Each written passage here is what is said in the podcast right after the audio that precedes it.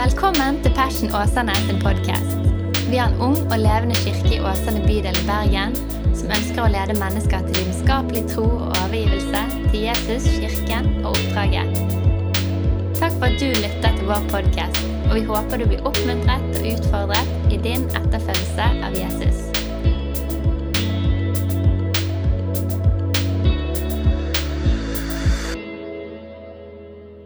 Du, jeg har gledet meg til å tale til oss som kirke igjen. Vi har vært i en serie de siste månedene som heter 'Moderne myter'. Og der Hele tanken er å gjøre oss bevisst på sekulære sannheter i anførselstegn, som vi tar som en selvfølge ofte. Men som faktisk ikke er en selvfølge, som faktisk er et ganske stort trossteg. Og som ikke er objektiv virkelighet. Men ofte så er ikke vi det bevisst. Og Bibelverset som vi har tatt utgangspunkt i, er det som Paulus sier til kristne i Colosseum, som er som en tidløs, eh, tidløs eh, varsel og oppmerksomhet til enhver kristen person til enhver tid på ethvert sted, der han sier 'pass på at ikke noen fanger dere ved filosofi og tomt bedrag'. Ja, pass på at ikke noen fanger dere med, med paradigmer, med tankesett, med verdier, med forståelser.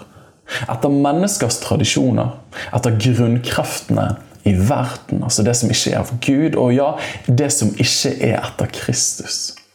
Og Vi har sagt det flere ganger, men Gud sier ikke dette fordi han vil at vi skal drive et Amish-prosjekt, eller at han vil at vi skal skille oss ut fra samfunnet og være veldig rar bare for å være rar. Nei, Han sier dette her ikke pga. vi kontrollere, men pga. at han er kjærlighet. Gud vil det beste for oss. Og sånn som vi snakket om i forrige film om moral, så handler og frihet så handler det om at, eh, at, Gud gir av og til begrensninger. Ikke for å begrense vårt liv til en kjedelig ting eller undertrykke livet, men tvert imot han gir oss begrensninger som er gode for oss og passer med vår natur, sånn at vi virkelig kan erfare frihet. Så Hvis du ikke har hørt de andre talene, så anbefaler jeg det. Men i dag skal vi hoppe videre, og vi skal gå videre til den siste preken, nemlig moderne myter. og Da skal vi snakke om historie og vitenskap. Historie og vitenskap, Som er to store ord, og som Vesten har en gitt type forståelse om, som vi har lyst til å utfordre og se litt nærmere på. Applaudere det som er bra, konfrontere det som er dårlig, og ikke minst transformere med å bringe inn en bedre fortelling. Du, Håper at du er med, håper at du har dine bibel foran deg og at eh, du er giret på denne siste preken på denne tematikken. Jeg vet at For min del så har dette gitt meg mye. Jeg får stadig tilbakemeldinger av folk som sier at du hører den podkasten deres, de siste talene. Det betyr så mye for meg. Takk for at dere tar det opp. Så det er gøy. Jeg tror at denne taleserien kan få lov til å bety mye for mange. Du, Vi skal springe ut ifra i dag eh, et velkjent kapittel i Det nye testamentet. Kanskje mitt personlige favorittkapittel i Det nye testamentet, som er å finne i Romerbrevet, det åttende kapittelet. Og hvis du er litt kjent i Romerbrevet, så begynner det litt dystert med en veldig sånn usminket diagnose av hvordan samfunnet og verden er. Og så beveger det seg litt over til å snakke om Abraham og hvordan Israels historie var, og hvordan at vi blir frelst ikke ved at vi gjør alle de riktige tingene, men at vi tror på Jesus. Og Så kommer det to litt sånn tøffe kapitler, eh, det sjette og syvende kapitlet, og så kommer vi inn i det åttende kapitlet. Det åttende kapittelet er akkurat som å komme inn i himmelen. Det forteller om alt det vi har i Jesus. Det forteller oss om Guds kjærlighet til oss. Det er et fantastisk kapittel. Så hvis du har tid, anbefaler deg les det kapittelet. Ja, ta deg tiden til det. Men Vi skal sprette ut ifra det 18. verset. Og Dette er en forunderlig tekst som, eh, som, jeg leste i flere år og tenkte at denne her er faktisk litt underlig. Men jeg håper i løpet av disse øyeblikkene at det skal få lov til å gi litt mer mening for deg og meg hva denne teksten her handler om. Og vi leser Jesu navn. For jeg er overbevist om at lidelsene i den nåværende tid er for ingenting å regne sammenlignet med den herlighet som skal bli åpenbart på oss. Det er et fantastisk løfte. For skapningens, eller verdens, inderlige lengsel venter og stunder etter åpenbaringen av Guds barn. For skapningen ble underlagt forgjengelighet, men ikke frivillig. Men på grunn av Han så la han under forgjengelighet, men med håp. Kanskje du kan si håp der du er hjemme. Håp. For skapningen selv skal bli fridd ut fra forgjengelighetens trelldom og ført inn i herlighetens frihet. Frihet, si frihet. Den som tilhører Guds barn. For vi vet at hele skapningen stønner og sukker som i fødselsveer helt til denne tid. Helt til denne tid. Ber en enkel bønn. Jesus, jeg takker deg for disse øyeblikkene. Jeg ber deg om at du lar ditt ord få tale til vårt liv her og til vår verden. Og ber om at du avslører løgner. Jeg ber om at du taler sannhet. Og jeg ber om at vi skal få lov til å bli mer og mer lik deg og få lov til å bringe ditt rike og ditt lys og din vilje til verden. Og du kan få lov til å si der hjemmefra Amen. Du, herlig. Du, 23.9.2019 var det ekstraordinært klimatoppmøte i FN sin hovedforsamling i New York. Og Hvis det på dette tidspunktet hadde vært den grønne skvulping fram til denne tid, så slo for virkelig den grønne bølge inn. Og Det var mye grunnet den emosjonelle talen til den daværende 16 år gamle svenske jenten Greta Thunberg. I kjølvannet av dette så var det store skolestreiker for miljøet her i Vesten. Det var en svær greie. Folk skippet skolen, de begynte å streike for miljøet. og begynte å henvende seg her i Norge til Erna Solberg. Du må gjøre mer! Og Bildet man fikk for framtiden, var nesten litt karikert. Verden går under. Og kanskje, ja bare kanskje, kan vi redde noen biter. Hvis vi kapper strømledningen til huset, hvis vi brenner, og graver ned bilen, og hvis vi kjøper oss en seilbåt. Og Greta Thunberg du hører med til historien at hun ikke ville ta flyet til USA, sin, USA og til New York, der eh, FNs hovedforsamling var, men hun fikk tilbud om en seilbåt, og da dro hun. Stikkordet var med andre ord pessimisme. og Vi kjenner det igjen fra den tiden og de siste årene. Pessimisme i møte med framtiden, i møte med verden. Men så har du folk på den andre siden, sånn som Elon Musk, som er enig i at jorden er ganske utslitt, men som går i gang med SpaceX og har alle disse crazy prosjektene og entreprenørskapen som han bedriver. Og han skal befolke verdensrommet. Ja, Mars Mars. Og han har vyer og visjoner som overgår enhver politiker og verdensleder. Og jeg har lyst til å slenge på enhver pastor og enhver forkynner. Stikkordet er med andre ord optimisme. Så Her har du Greta Thunberg på den ene siden med kjempepessimisme, og så har du Elon Musk med liksom super-skyrocking optimisme. Og Midt oppi alt dette skal vi vanlige, du og meg, hva skal vi tenke og tro? Og Spørsmålet som mange mennesker stiller, er er historien på vei i en retning. Og kan du og meg påvirke den? Ja, er historien på vei i en retning, og kan vi påvirke den? Da må vi begynne å stille dette spørsmålet som vi har gjort gjennom denne serien. her. Men hva handler den sekulære, ja, den vestlige fortellingen, ja, den moderne myten om historie og vitenskap om? I sitt eh, velrenommerte verk og kjente bok eh, The Secular Age, den sekulære tidsalder, som den kanadiske og katolske filosofen Charles Taylor har skrevet, som er liksom, liksom, boken på dette området på den tiden vi lever i, og som vi har sitert flere ganger. Han løfter opp i det ene kapittelet om fem sekulære sannheter som bare blir tatt som en selvfølge, og som ingen stiller spørsmålstegn med noe særlig. Men det bare er sånn fordi det alltid har vært sånn, tenker vi. Og Vi har sett på de tre første, som er identitet, frihet og moral. Og De to siste de slår vi sammen i dag, og vi snakker om historie og vitenskap. Ja, Samtidens syn og forståelse av historien og vitenskap. Og Disse to henger tett sammen, og de er nesten vanskelig å skille fra hverandre. Men hva handler de her om? Jo, Det første jeg har lyst til å si, handler om historiesynet. Historiesynet, Det progressive historiesynet. Hva handler det her om? Jo, Tanken som denne her gjorde seg særlig gjeldende fra opplysningstiden og inn i den moderne tid, der vi er i dag.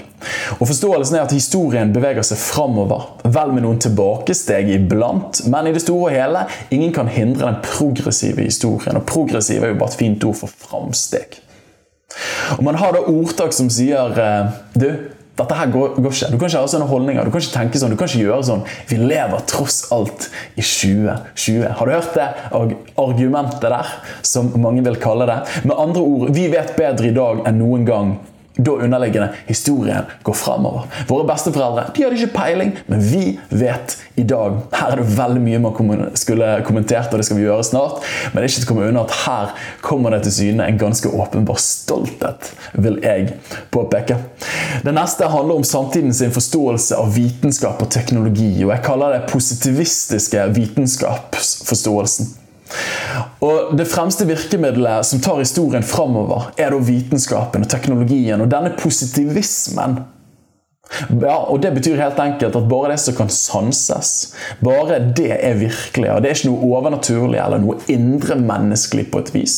Bare det du kan sanse med dine fem sanser, er det som er virkelig. Og Dette vokste fram i moderniteten på 1800-tallet. Og man hadde et svært positivt, optimistisk syn på vitenskapen som håpet for verden. Ja, Når vi finner ut av dette her, som henger tett sammen med det som heter den sekulære tese, som var at eh, når vitenskapen går framover, så vil folk slutte å tro på Gud, for dette vet vi bedre. Ser du hvordan vitenskap og det progressive historiesynet henger veldig tett sammen? At vitenskapen er det som driver historien framover, og teknologien driver historien framover. Og denne tanken er fortsatt kjempesentral i Vesten. Ja, Det er den fremste tanken når det kommer til historiesynet og vitenskapssynet. Og kanskje episenteret for denne forståelsen her finner du og meg i Silicon Valley i San Francisco, med en rekke profetiske stemmer som snakker om en framtid hvor aldring, sykdom, fattigdom og ulikhet er løst en gang for alle. Ja, dette er på mange måter som en menneskeskapt himmel. Og Dette her har vært en forståelse av historie og vitenskap som har vært gjerdet i mange år. Men faktisk de siste årene så har det kommet noe som jeg vil kalle den senmoderne pessimisme. Og Dette her er faktisk ganske radikalt i forhold til det synet som har vært i ganske mange tiår, ja 100 år, at historien går framover, vitenskap og teknologi kommer til å ta oss inn i den menneskeskapte himmelen. Så kommer vi i dag og erfarer en motreaksjon mot modernitetens håpefulle drøm ja, i vår senmoderne tid. Og En rekke filmer framstiller en dyster framtid. Ja, ikke en fantastisk framtid, men en dyster framtid der menneskeheten går under. Og Du husker sikkert samme som meg i 2010-2011. Vi hørte om at filmen 2012 kom. Og Det var Asteka-kalenderen som hadde sagt for tusener av år siden at da ville jorden gå under. Og folk, selv om de ikke trodde på Gud, var jo redd. Tenk hvis jorden går under. Og husker da filmen kom, folk var sånn ah, dette er skummelt. Og det ble laget stadig flere sånn katastrofefilmer. Vi kunne nevnt flere. Og den siste som jeg så, som jeg tror kanskje har kommet på markedet, den filmen som heter Greenland, der jorden skal gå under. Og det handler om at noen få folk får fly til Grønland. Og der har de laget noen svære bunkerser som lar de overleve. Og det er i dag det er en voksende pessimisme i møte med teknologien og vitenskapen. Ja, frykten for at han vil ødelegge vårt privatliv, umenneskeliggjøre oss og gjøre oss sårbare for terror terrorisme og utnyttelse på tidligere uante nivåer. Men fortsatt i det store og hele så er den positive historieforståelsen fortsatt den som er gjelder her i Vesten, og at vitenskapen skal tas framover. Ja, man kan da si det sånn at Vitenskap har på mange måter blitt Vesten sitt sekulære håp for framtiden. Men Daniel, finnes det da noe positivt i møte med denne måten å forstå historien og vitenskapen på? Sånn som Vi har sagt i denne serien, vi vil alltid applaudere, bekrefte det som er bra til å begynne med. Og som ved så mange av våre sekulære sannheter i denne tiden her, så er røttene fra den kristne lære. Jeg har lyst til å påpeke det, og Charles Taylor viser det i boken. Han viser det at at før den kristne troen så var kroppen og den materielle verden mindre viktig og reell. Men så kom den kristne læreren og utfordret den antikke, den tradisjonelle forståelsen og sa at kroppen og den materielle verden er faktisk god. Oh yeah! Ja, å forbedre verden er mulig. Ja, vitenskap er mulig. Å forbedre verden er viktig, faktisk. Så der kom den kristne lærer som, som utfordret en tradisjonell forståelse av at kroppen og den materielle verden kanskje var ond. Vi skulle ikke bry oss noe særlig om den. Ja, En annen forståelse var at historien er syklisk. Den går bare rundt og rundt uten noen retning. Det finnes ikke noen mening. Og Denne forståelsen av historien møter vi gjerne i hinduismen, der det bare om og om og om igjen. Reinkarnasjon igjen og igjen og igjen. og igjen. Men der kommer den kristne fortellingen og sier at vet du hva, historien gjør faktisk progresjon. Historien er på vei mot et mål. Historien går framover. Ja, kroppen og den materielle verden er faktisk god. Ja, Hvorfor dette her? Jo, fordi at Gud har skapt mennesker og verden. Og når han hadde skapt det, som vi har lest tidligere, så sa Gud det overmåte godt. Gud har et positivt forhold til den fysiske verden og til menneskekroppen. Og i møte med vitenskap er du klar at Isak Newton, Johannes Kepler, Galileo Galilei osv. noen av de første og største vitenskapspersonene som var med å åpne landskapet av vitenskap for Vesten, var troende mennesker som trodde på Jesus, og som ønsket å følge han.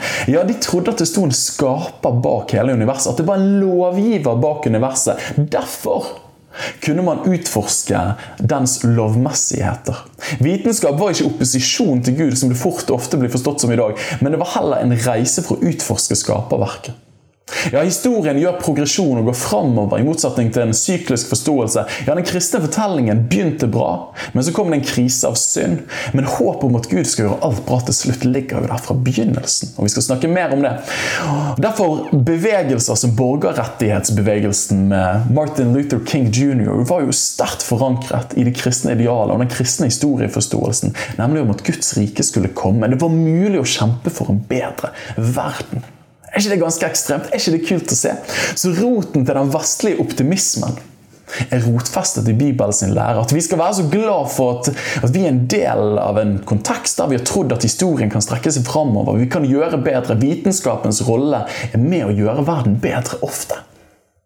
Men utfordringen er når vi kommer til det stedet som vi har sagt flere ganger, at vi vil ha the kingdom without the king.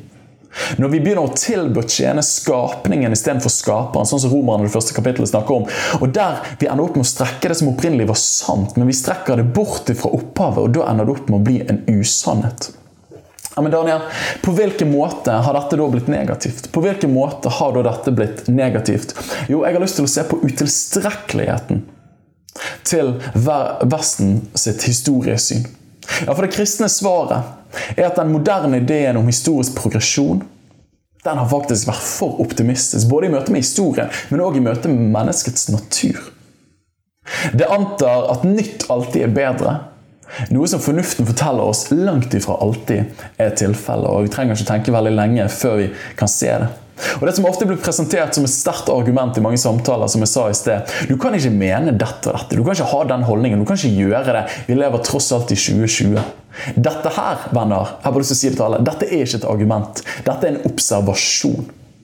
Og En observasjon har ingen verdi i seg, på et vis. Den kan ikke fortelle oss hva som er rett og galt, den forteller oss hva som er. Det sier ikke oss noe som helst om hva som er rett og galt, eller godt eller ondt. Amerikanske presidenter de elsker å si i taler når de har lyst til å motivere nasjonen til å være med på noe. Vi må passe på at vi lander ned på den riktige siden av historien. Reagan, Clinton, Obama og Bush elsket å si det her. Og med andre ord, vi må støtte det de mener. Men både nazistene, kommunistene, trodde at de var på den riktige siden av historien. Samt mye av den vestlige intelligensia trodde at på begynnelsen av 1900-tallet så var sosialismen og kommunismen det var veien historien gikk. Med andre ord det går framover. Og Timothy Keller han sier det så utrolig usminket. Hør på det her, venner. Han sier historien er fullstendig utilstrekkelig som en moralsk guide og veileder. Og Den kjente forfatteren C.S. Lewis som skrev 'Narnia', som sikkert mange av dere har, og som dere kommer til å lese for barna deres i løpet av de neste årene. Utrolig mange kids for tiden. Han sier at denne holdningen her, han kaller det for kronologisk snobberi. At vi alltid tenker at den tiden vi lever i, er bedre enn alle andre tider, og vi vet bedre i dag. Det er cocky og confident, og det er faktisk ikke riktig. Ja, På den andre siden i dag er mange altfor pessimistiske og har forkastet ideen om en progressiv historie. Til det motsatte at historien ikke har noen retning og mening. Og Der kommer som vi skal se, kristendommen og utfordrer denne pessimismen igjen. Ja, I møte med utilstrekkeligheten til vitenskapssynet her i Vesten. Man har fort en tanke her i Vesten om at alt har en vitenskapelig forklaring. Og at hvert problem har en teknisk løsning. Så kommer den kristne troen og utfordrer dette som altfor endimensjonalt. Ja, for det finnes virkelig ikke en pille for alt som er ille. Ja, I møte med ondskap, f.eks eller samfunnsmessig og strukturell ondskap. Altså, Ondskap er så utrolig mye. Du møter det på samfunnet. Du møter det i strukturer. Ja, du møter det i verden. Du møter den indre ondskapen, som er menneskets syndige tilbøyelighet. Skjødet kaller Bibelen. Denne tar ikke vitenskapen alltid opp inn i seg, og historiesynet heller tar ikke helt inn over seg at mennesket ikke er godt i bunn. At når vi følger våre tanker og følelser helt uhindret, så går det sjelden veldig bra. Det er på tide at noen stiller den ærlige diagnosen. Men så finnes det òg en overnaturlig ondskap som ikke vi kan forklare med Bibelen kaller for djevel, som demoner. Altså Det finnes ondskap på så mange ulike nivåer. Ja, Det er så tydelig, vil jeg påstå, at hvis du ser godt etter, at verken psykologi eller sosiologi eller teknologi eller alle disse ulike logiene og fagdisiplinene kan virkelig forklare alt som er galt med oss mennesker og med verden. For hadde det gjort det, så burde det liksom ha skjedd til noe, da. Vitenskap og teknologi kan da gi oss mål på verden, men jeg har lyst til å påpeke at det kan ikke gi oss mening i og med verden. Altså, Hva er da det kristne tilsvaret til disse meningene her, historiesynet og vitenskapssynet til Vesten? Jo, det første, og vi skal ta det ut ifra dagens tekst. For det første jeg har lyst til å si at det kristne synet på historien og på vitenskapen er mye mer realistisk. Og Vi leste og highlightet disse ordene her fra dagens tekst. Men der står det mer realistisk lidelsene i den nåværende tid. Ja, for skapningens inderlige lengsel venter og stunder. Ja, Verden er underlagt forgjengelighet, med andre ord det er underlagt skrøpelighet, uperfeksjon. Det er ikke helt sånn som det skal være. Verden er syk. Ja, det er lagt under forgjengelighetens trelldom. Ja, det er, det er, fanget under ufullkommenheten, og det tror jeg vi alle kan bevitne. Skru på nyhetene, så ser vi det. Ja, Hele skapningen stønner og sukker som i fødselsvea. Det er jo et ganske brutalt biologisk bilde for de av oss som har vært med på en fødsel, men verden roper, stønner i smerter. For det ting er ikke sånn som det skal være. Ja, Bibelen maler da et usminket bilde av verden og mennesket. Og da historien, som er mye mer realistisk enn samtidens overoptimisme i møte med historien. I denne verden har det vært og vil være lidelse, smerte, sykdom, urettferdighet og død. Dette siden er en verden ligger i det onde, og synd påvirker alt. Og verden sjøl og Dette høres kanskje litt crazy ut, men ut fra denne teksten her, så er det ganske tydelig at verden skal en dag faktisk bli frelst. Den, den skal oppleve at Guds rike kommer og fornyer alt sammen. Og mennesket, realistiske møter med mennesket Vår natur er skadet av synd. Vi kaller det innenfor kristen teologi for arvesynd. Vi har en tilbøyelighet til å gjøre det som ikke er godt. Vi har en tilbøyelighet til å ikke gjøre det som faktisk er godt. Det er det vi vet vi burde gjøre av og til. Slik er det, sånn har det vært, og sånn vil det være med mennesket. Vi er egoistiske, vi utnytter andre, vi gjør urett. Vi faller. Og det faller oss naturlig å ikke leve sånn som vi burde leve, etter Guds gode plan. Med mindre vi er fullt av Guds ånd og lar Guds vilje og Guds kraft få leve, lede oss i et nytt liv. Så det kristne synet er mye mer realistisk. Det har ikke de høye vyene og visjonene alltid på den nærmeste forståelsen av historien og vitenskapen. Det er ikke sånn at vi kan skape en menneskeskapt himmel. Men på den andre siden igjen så har jeg lyst til å løfte opp, så er det kristne synet mer optimistisk enn senmoderne senmoderniteten sin pessimisme, og har et enda heftigere håp enn vitenskap og teknologiutopien som sier at vitenskapen fra Silicon Valley og Kina og hvor enn det måtte være, skal gjøre verden perfekt en gang. Ja, I det samme verset som vi møter realismen om skapelsens stunder og leng eh, lengter etter frihet, så møter vi òg i de samme versene For ingen, for jeg er overbevist om at lidelsene akkurat nå er ingenting å regne sammenlignet med den herlighet som skal bli åpenbart på oss. Ja, åpenbaringen av Guds barn. Ja, med håp. Det kommer et håp, leser vi i tekstene. For skapningen selv skal bli fridd ut fra forgjengelighetens trelldom. Vi skal bli fridd ut verden en gang og ført inn i herlighetens frihet. Hør på det! Herlighetens frihet. Altså, det er så svulstige ord. Frihet er jo nesten nok i seg sjøl, men så kommer herlighetens frihet. Altså Det er frihet beyond frihet. Det er frihet i perfeksjon og fullkommenhet. Alt det du har lengtet etter, alt det du har ønsket. Det kommer et løfte om at det vil inntreffe en dag. Ja, det er smerter i den nåværende tid, men det skinner et sterkt håp igjennom. Ja, vi skal være realistiske, men Bibelen er så superoptimistisk. Og i møte med verden, ja, for verden skal en dag bli frelst. Som det står i småprofeten Habakuk 2,14, som er et fantastisk nydelig vers, et heftig vers. Der står det at eh, jorden skal bli fylt av kunnskapen om Herrens herlighet, slik som vannet dekker havets bunn. Altså, det snakker her om at en dag skal verden bli fylt av Gud og hans rike. Det skal bli fullkomment. Og mennesket, en dag så skal ikke bare vår ånd og vår sjel bli frelst, sånn som når vi tror på Jesus i dag, men en dag skal òg vår kropp oppleve å bli fornyet og bli frelst. Og 1. Korinteren, 15. kapittel og 42. verset, så sier Paulus det sånn Slik er det òg med de dødes oppstandelse. Kroppen blir sådd i forgjengelighet, ja, ufullkommenhet, uperfeksjon, skrøpelighet. Du og meg kjenner til det. Bare se på pappamagen. Og det blir oppreist i uforgjengelighet, i fullkommenhet. Ja, det blir sådd i vanære, og det blir oppreist i herlighet. Det blir sådd i svakhet, og det blir oppreist i kraft.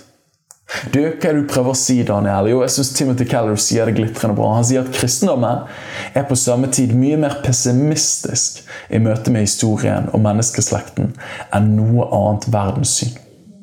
Men på samme tid mye mer optimistisk i møte den materielle verdens framtid enn noe annet verdenssyn. Den kristne fortellingen kan da egentlig fort summeres opp i. og Dette her har jeg lyst til å bare gi videre til oss som kirke. For dette her er et glitrende akkurat som tankekart for å forstå den kristne fortellingen i veldig korte og store trekk. Det første Gud skaper.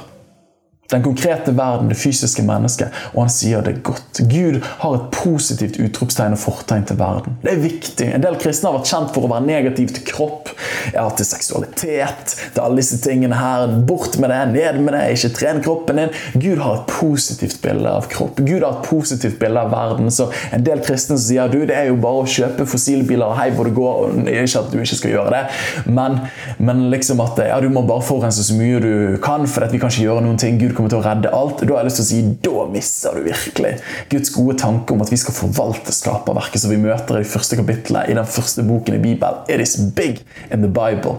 Men den kristne lærer kommer litt annet inn på forvaltningstanken enn det den sekulære miljøbevegelsen ofte gjør. Så skapelsen. Og så kommer det Bibelen kaller for fall, eller teologien for syndefallet. Hva er det for noe? Synden skader og ødelegger alt, både verden og mennesker. Og Her kommer den kristne realismen inn. som jeg snakket om i sted. Men så stopper ikke det der. Og det er ikke sånn at Nå må vi bevege oss inn i vitenskap og teknologi for at vi må frelse verden og frelse oss sjøl på egen hånd. Nei, her kommer jo det kristne håpet inn.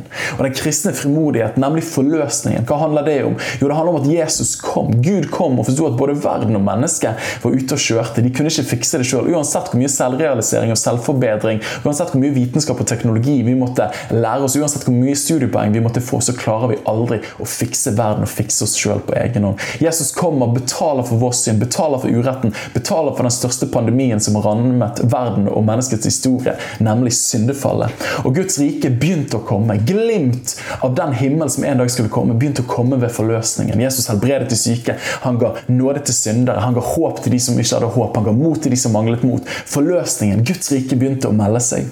Men så stopper det heldigvis ikke der. Og det her det kristne håpet virkelig kommer til sitt klimaks. Jeg kjenner jeg blir giret, selv om jeg preker hjemmefra. Jeg kjenner jeg blir stoked, og håper at du er stoked der du sitter der hjemme. Men så kommer fullbyrdelsen. Ja, fortellingen om at en dag skal Gud gjøre alt nytt. En dag skal all urett bli gjort rett igjen. En dag skal alt mismot bli gjort om til mot. En dag skal all død bli gjort om til liv. En dag skal all sykdom bli gjort om til legedom. Og Vi leser oss utrolig vakkert i Johannes' åpenbaring, det 21. kapittel. Og dette er mine favorittpassasjer som gir meg så mye håp i møte med eget liv, i møte med egen verden. Og Der står det så vakkert, og jeg hørte en høy røst fra himmelen som sa Se, Guds bolig er hos menneskene. En dag skal Gud komme og bo hos menneskene. Og han skal bo hos dem, og de skal være hans folk. Ja, Gud skal selv være hos dem og være deres Gud. Og hør på det her. Og Gud skal tørke bort hver tåre fra deres øyne. Og døden skal ikke være mer. Heller ikke sorg eller gråt eller smerte skal være mer, for de første ting er blitt borte. Så sa han som satt på tronen. Hør på disse ordene her. Skriv dem på kjøleskapet. Memorer dem for din egen del. Se, jeg gjør alle ting nye. Jeg vet ikke hva smerte, hva utfordring, hva skrøpelighet, hva ufullkommenhet du står overfor og du møter i ditt liv og din virkelighet. Men vit det her at Jesus har kommet med forløsning. Himmelriket har begynt å bryte inn. Vi kan begynne å erfare frihet og helhet i dette livet. Men en dag skal det komme fullkomment, og da vil alt bli gjort rett igjen. Så spørsmålet vi stiller er er historien på vei i en retning, og kan vi påvirke den? Historien er på vei i en retning. Men ikke alltid går ting framover, menneskelig sett. Men Gud vil fullbyrde sin plan, og himmelen vil komme til jord, sånn som vi nettopp snakket om, ved fullbyrdelsen. Det har allerede begynt å skje gjennom forløsningen av at Jesus kom, men en dag så vil det bli fullkomment. Ja, kan vi påvirke han? Ja, Vi er kalt som mennesker som følger Gud til å påvirke og forvalte jorden. Dette kaller Bibelen eller teologien for kulturmandatet. Og Vi skal fremme Guds rikes verdier. Finnes det der oppe, skal det forløses her nede. Jesus lærte oss å be la ditt rike komme, la din vilje skje på jorden slik som i himmelen. Du og meg er kalt til å være et svar på den bønnen på alle tenkelige vis. Ja, forløse det som er i himmelen, her på jorden. Og Vi er kalt til å leve på dette viset, ja, særlig vi som tror på Gud. Men ikke minst mennesker som òg ikke tror. Det er godt å leve for Guds rikes verdier. Men det er òg en kristen realisme som kommer inn her, nemlig at vi kommer aldri til å kunne gjøre menneskelivet og verden fullkomment. Det er bare Gud som vil gjøre det en gang. Så det store utropstegnet her er oppstandelsen. Daniel, hva mener du med det? Jo, den kristne lære og forståelsen av oppstandelsen, ja, Jesu oppstandelse fra de døde, gir oss en bedre forståelse om denne tosidigheten her, nemlig realismen. Men òg optimismen enn noe annet. Når du og meg kommer til tro på Jesus, så sier Bibelen at vi blir født på ny. Hva er det som skjer? Jo, vi blir en del av Jesus. Ja, Når du kommer til tro på Jesus, så tar du del i hans død.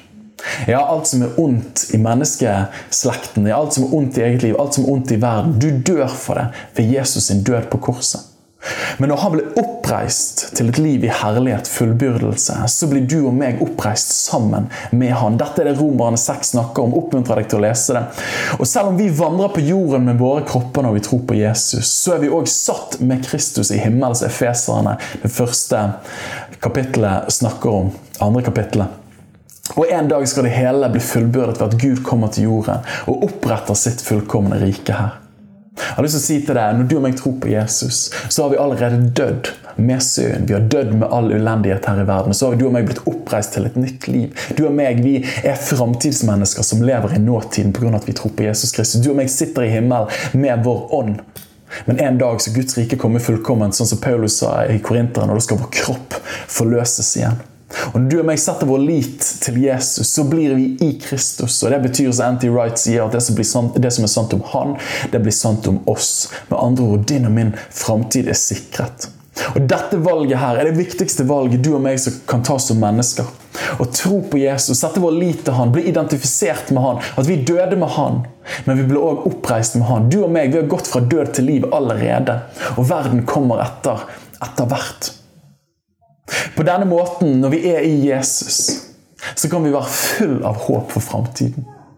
For han har vunnet, og det er bare et spørsmål om tid for alt vil bli gjort rett, og Guds rike vil komme fullkomment. Så vi kan ha håp om framtiden, men vi kan òg da erfare å aldri miste motet i nåtiden. Der ting er ondt, og der ting er smertefullt. Fordi vi vet at vi allerede er satt inn i framtiden, og en dag så vil framtiden møte nåtiden virkelig. Når Guds rike kommer fullkomment, og Gud sier 'se, jeg gjør alle ting nye igjen'. Jeg sier det sånn at den kristne lære for å oppsummere, er mer realistisk enn modernitetens overoptimisme. Men han er òg mer optimistisk enn senmodernitetens pessimisme. Guds rike har kommet med Jesus, og det vil komme ved Jesu andre komme. Jeg har lyst til at dette her skal være hovednerven. Og helt til slutt ja, Gud holder historien i sine hender. Jeg vil at du skal ta et par øyeblikk og tenke på det. Uansett dine frykter for framtiden, uansett dine smerter i møte med nåtiden og eget liv. Vit det at Gud holder historien i sine hender. Ja, han holder ditt liv i sine hender, han holder mitt liv i sine hender. Vi kan være fulle av håp for framtiden, og vi kan òg erfare å aldri miste motet i nåtiden. For at Gud holder historien i sine hender. Måtte du og meg sette vår lit til Jesus og bli funnet i Han, og erfare at Han er livet. Takk for at du lyttet til vår podkast. Hvis du synes det var bra, så del den gjerne med noen flere. Vil du vite mer om hvem vi er, hva som skjer, og kanskje besøke en av våre gudstjenester, se vår nye hjemmeside på fashionåsane.no, eller følg oss på sosiale medier. Helt til slutt, ta imot Herrens velsignelse. Herren velsigne deg og bevare deg. Herren la sitt ansikt lyse over deg og være deg nådig. Herren løfter sitt åsyn på deg og gi deg.